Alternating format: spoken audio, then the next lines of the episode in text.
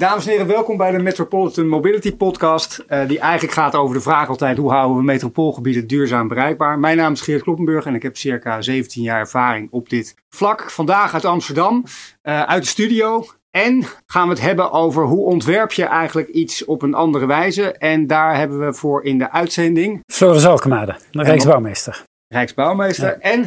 Alexander van Altena. Nou, Alexander, uh, wij kennen elkaar al wat langer. Laat ik je even formeel en netjes introduceren.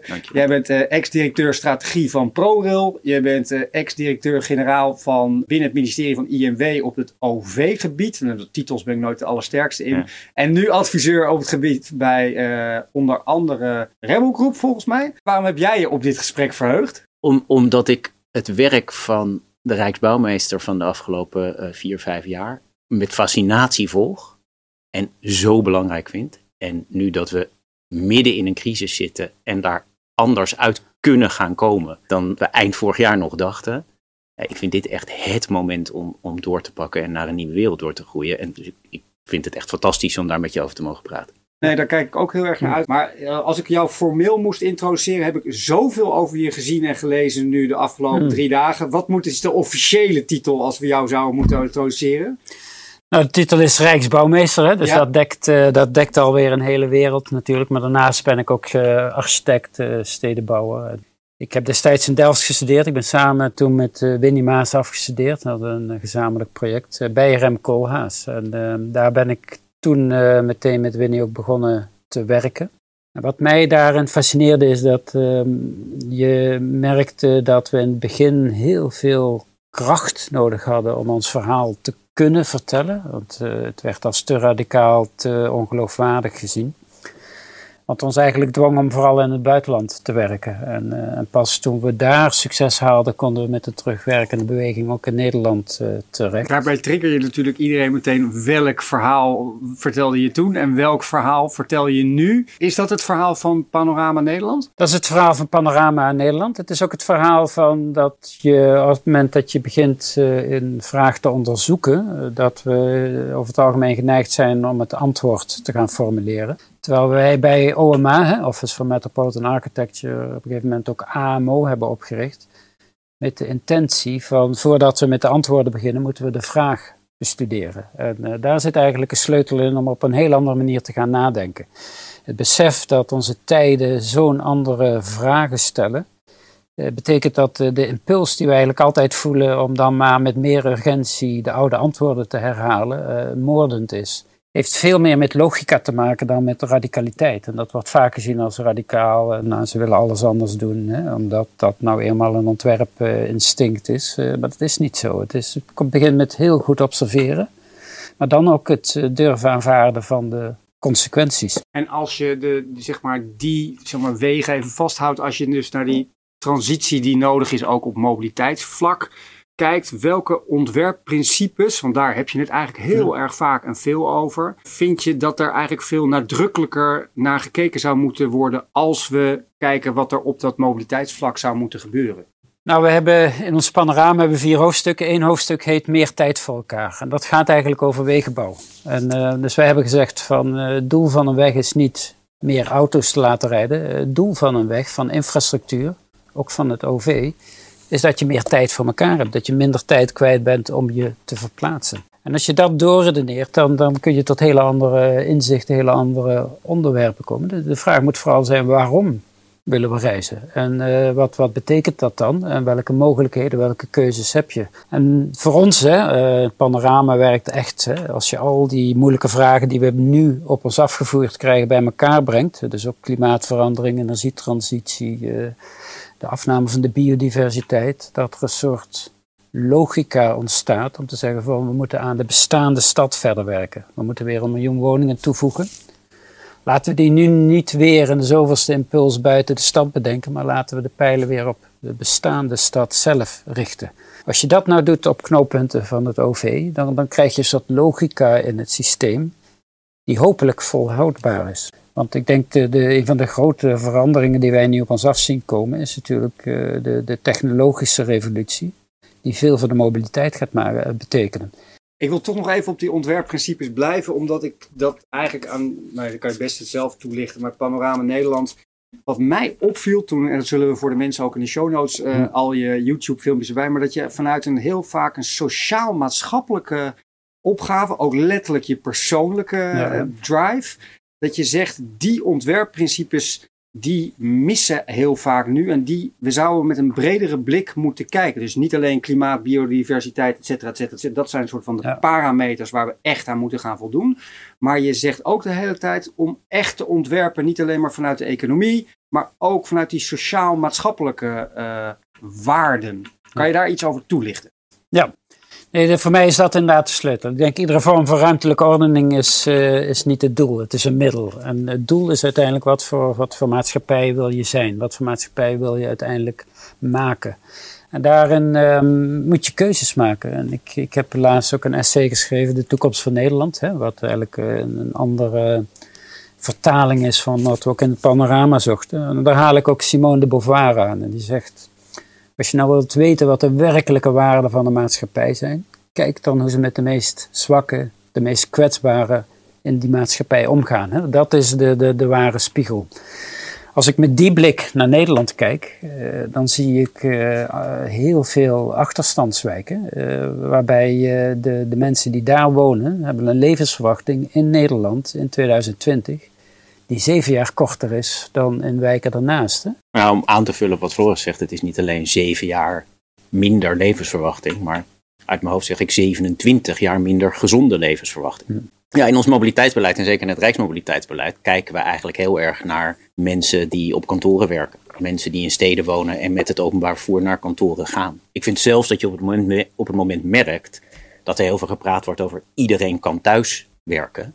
Terwijl Weet je, voor 4 vijfde van de bevolking natuurlijk geldt dat ze helemaal niet thuis kunnen werken. Ik sprak van de week nog met Margot Wijnen, professor aan de TU Delft. En die zei, ja, weet je, er zijn op de Zuidoever in Rotterdam, een derde van de jeugd is nog nooit aan de noordkant van de rivier geweest. En dat is het oude voorbeeld. Een brug kan het verschil maken. Een kabelbaan kan het verschil maken. En in die zin is denk ik, solidariteit als principe. Misschien is dat ook Dat is inderdaad hè, dat ik altijd aanhoud als een van de, van de basisprincipes. Ja. En wat, als je nou solidariteit koppelt aan hoe een stad er dan uit zou zien, een nieuwe stad, hmm. Wat doet dat dan? Nou, wat ik uh, iedere keer dan bedenk is van, van uh, ik, ik, noem dat vaak ook de erosie van het publieke domein. Hè. Wat, wat delen we nou, wat voor mogelijkheden heb je? En inderdaad, Rotterdam, maar in veel steden geldt, wat we eigenlijk nauwelijks in beeld hebben, is wat vervoersarmoede genoemd wordt. Hè. Dat mensen gewoon een, een, kaartje in de tram of in de trein zich echt niet kunnen veroorloven. In de stad als Rotterdam groeit één op de vier kinderen op in armoede. Ik vind ook een mooi voorbeeld, of eigenlijk een heel schrijnend voorbeeld, dat uh, op een gegeven moment kwamen ze erachter dat de treinlijn tussen Almere en Amsterdam, de, de lijn was waar het meest zwart werd gereden. En wat is dan de impuls? Uh, meer controle, hè? Dus dat die zwartrijders de trein uitgaan. Terwijl als je iets verder nadenkt, waarom is dat? Dat is omdat in Almere de mensen wonen die de laagbetaalde banen in Amsterdam moeten doen, maar al lang niet meer in die stad kunnen wonen. Dus is dan niet het antwoord van, oh ja, dan moeten we dus op een andere manier dat vervoer voor hen gaan organiseren, want anders kunnen zij die baan niet hebben. Hè? En dat, dat soort principes. Hè? Ik vind Rotterdam ook Zuid eh, een heel mooi voorbeeld in de zin dat ze daar op een gegeven moment zeiden van, we gaan mensen leren een band plakken. Hè? Mm. Want heel veel mensen die er wonen, die, die, ja, dat, dat natuurlijke fietsen in zo'n drukke stadsomgeving is al heel lastig. Maar een band plakken, als je dat nooit geleerd hebt, uh, moeilijk. Hè? Dus meer nadenken van oké, maar uh, vanuit het solidariteitsprincipe van hoe kunnen mensen nou uiteindelijk zichzelf vervoeren?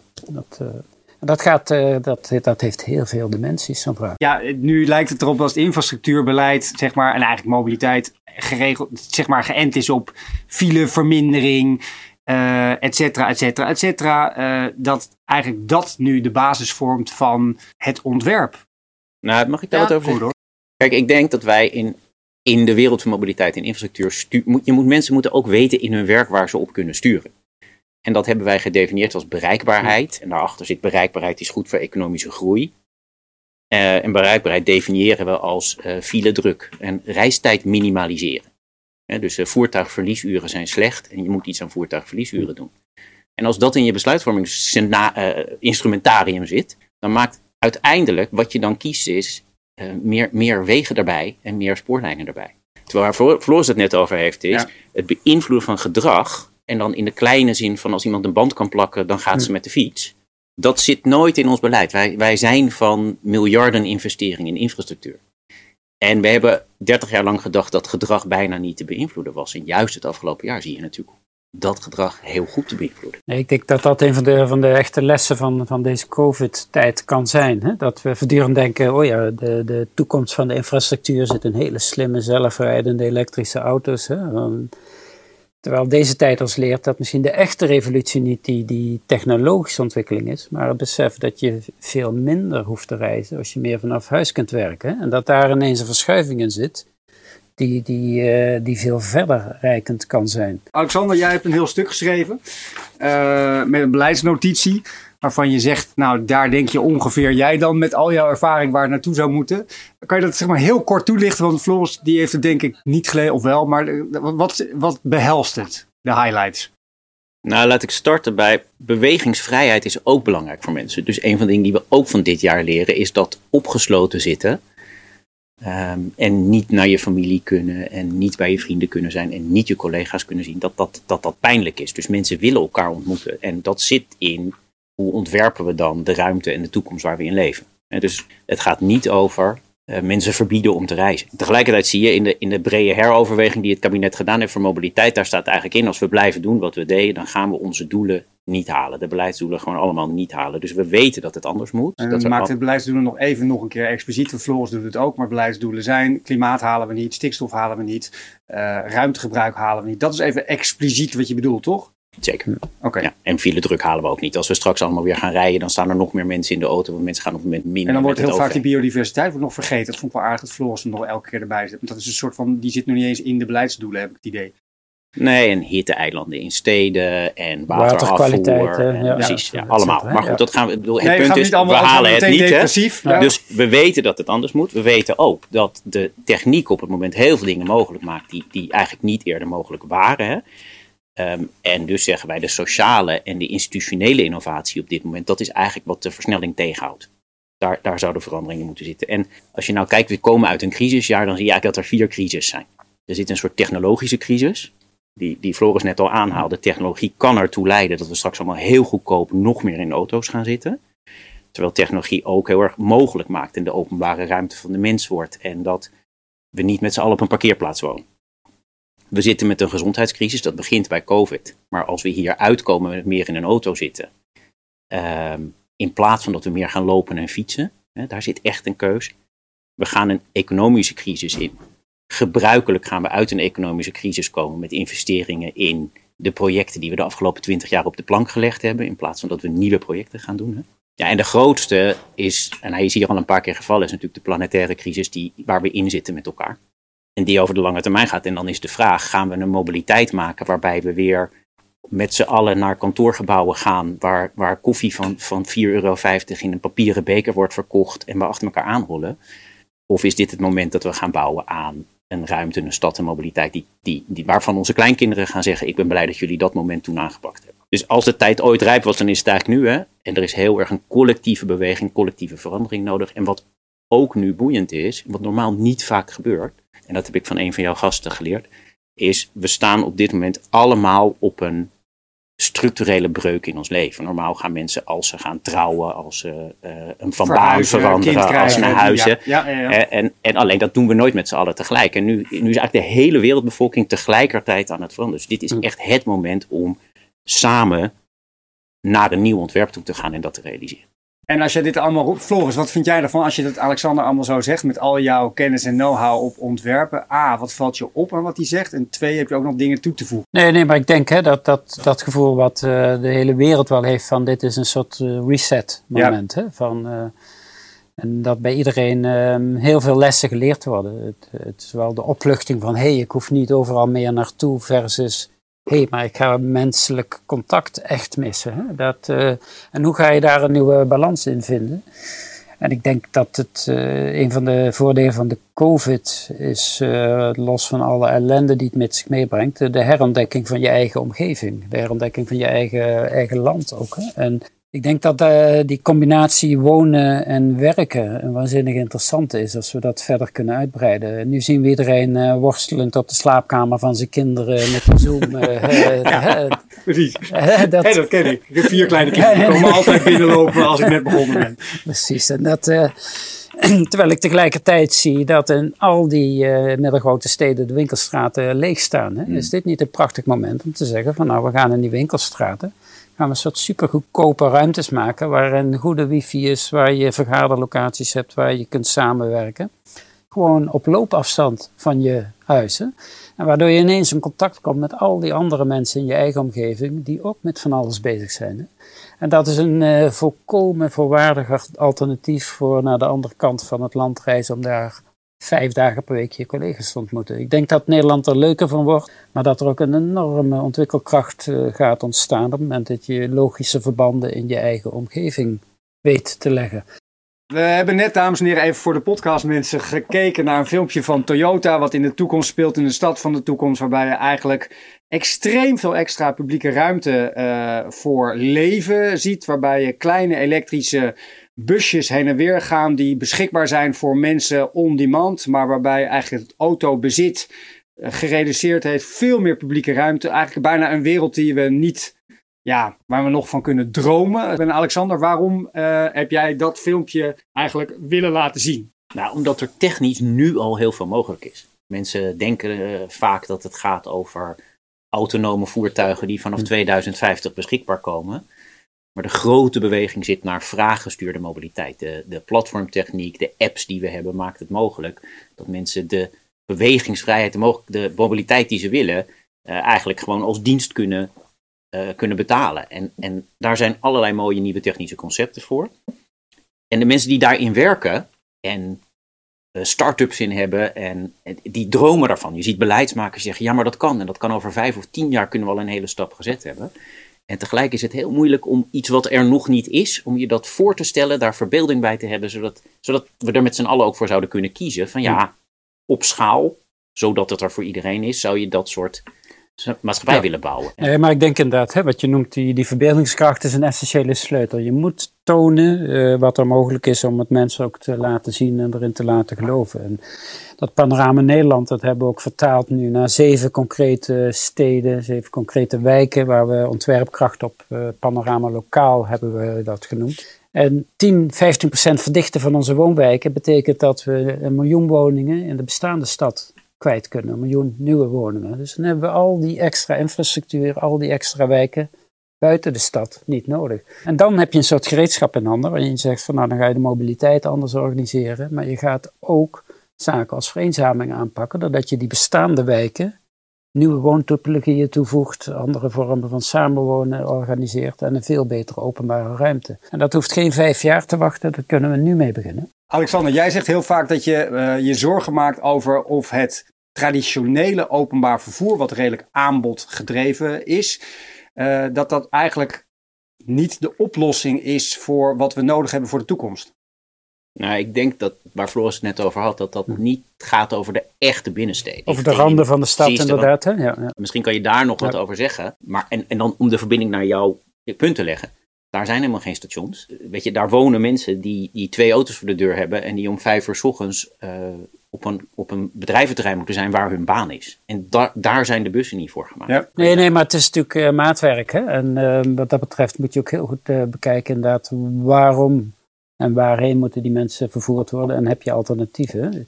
Ik vind uh, die, die, uh, die elektrische fiets tegenwoordig interessant. Die worden meer verkocht als een normale fiets, hè, waardoor je een hele andere actieradius krijgt als je dat combineert met een veel beter aangelegde fietsinfrastructuur. Nou, Nederland is natuurlijk al, uh, al heel goed bezig op dat punt.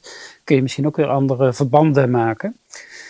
Ik vind bijvoorbeeld het beleid uh, als een stad van Londen ook wel interessant. Hè? Waarbij ze zeggen van nou die, die binnenstad is zo onbereikbaar, uh, zowel qua kosten als gewoon qua vervoer. Dat ze zeggen van we hebben de development areas in een ring om Londen heen. Zo kun je natuurlijk ook naar Nederland kijken. Dat je zegt we gaan een aantal punten aanwijzen waar we die openbare vervoersknooppunten echt optimaal organiseren. En daar eigenlijk al die fietsroutes goed op aantakken. Hè? Waardoor je eigenlijk een met misschien wel een kleiner systeem veel efficiënter kunt zijn. Want dat uh, vraag ik me altijd af. Wat is nou het beste OV-systeem? Is dat alles overal bij iedereen? Of is dat eigenlijk het terugbrengen naar een kernsysteem wat zo goed werkt als bijvoorbeeld de uh, RER in Parijs. Hè? Mhm. We maken even het loopje naar zeg maar, zo'n buitenwijk. We uh, hebben net een filmpje gekeken van Leidse Rijn. En daar zie je zo'n typische Nederlandse buitenwijk, Leidse Rijn of Schalkwijk. Of uh, voor de mensen die alleen de podcast luisteren. Ja. Uh, nou, en daar wonen echt extreem veel mensen. Dat hebben we net gezien. Zeg maar, de grootste uitbreidingen zijn buiten de stad geweest. Wat valt jou dan eigenlijk het meeste op uh, als ik op dat binnenpleintje sta en daar sta te vertellen hoeveel ruimte zeg maar, het verkeerssysteem daarin neemt? Nou, dat is, ik, ik, ik, ik sta ook altijd versteld van de vanzelfsprekendheid waarmee we dat als normaal aanvaarden. Hè? Dat overal die, die verkeersruimte ruimte zo wat ingenomen wordt. Ik, ik ben ervan overtuigd dat generaties na ons uh, met hoongelach kijken naar hoe wij onze dat steden... Dat wij 14 miljoen parkeerplekken hebben. Ja, dat ze zeggen, oh, die idioten. Hè? En, uh, en, Nederland op dit moment per dag neemt 8,3 hectare open ruimte in. Hè? Iedere dag weer. Voor onze woningen, voor onze infrastructuur, voor onze logistieke loodsen. En gewoon zeggen inderdaad, zo'n zo wijk als, als Leidse Rijn, van uh, wat als je inderdaad met de, de helft van je oppervlakte aan infrastructuur zo'n wijk moet laten functioneren. Lastig, hè? Uh, mensen zullen misschien wat verder naar een auto moeten lopen. De, maar misschien komt er wel een soort, soort verrassende innovatie, een versnelling, een, een, een, een logica in het systeem, waar uiteindelijk iedereen bij gebaat is. En dat is denk ik waar we hopelijk na deze COVID-tijd ons op gaan storten. Van, ja hoe kunnen we het anders doen? Wat valt jou op eh, als je naar deze video van Leidse Rijn kijkt? Zeg maar vanuit het oogpunt van heel veel mensen hebben toch daar een auto of twee auto's omdat ze wisselend werken. Dan Floris vroeg het eigenlijk al net van wat voor type vervoerssysteem zie jij dan wat eigenlijk juist deze wijken die er al zijn, dus niet binnen de ring van de steden, wat, wat daar die mensen de komende tien jaar dan heel erg zou kunnen helpen? Ja, de echte toekomst is een vraaggestuurde mobiliteit. En op dit moment is er niet een echt goed alternatief voor de eigen auto. Natuurlijk wel voor de mensen die in de buurt van een station zijn. En daar moeten we ook vooral mee doorgaan, want we hebben die, je zei dat net al, hè, die hoofdassen van openbaar vervoer, die ga je heel hard nodig hebben voor de plekken waar grote vervoerstromen zitten. Maar juist op die plekken waar het, waar het vervoer dun verspreid is, en waar mensen dus, dus in grotere vlekken wonen, daar heb je vraaggestuurde mobiliteit nodig die een alternatief voor de auto biedt.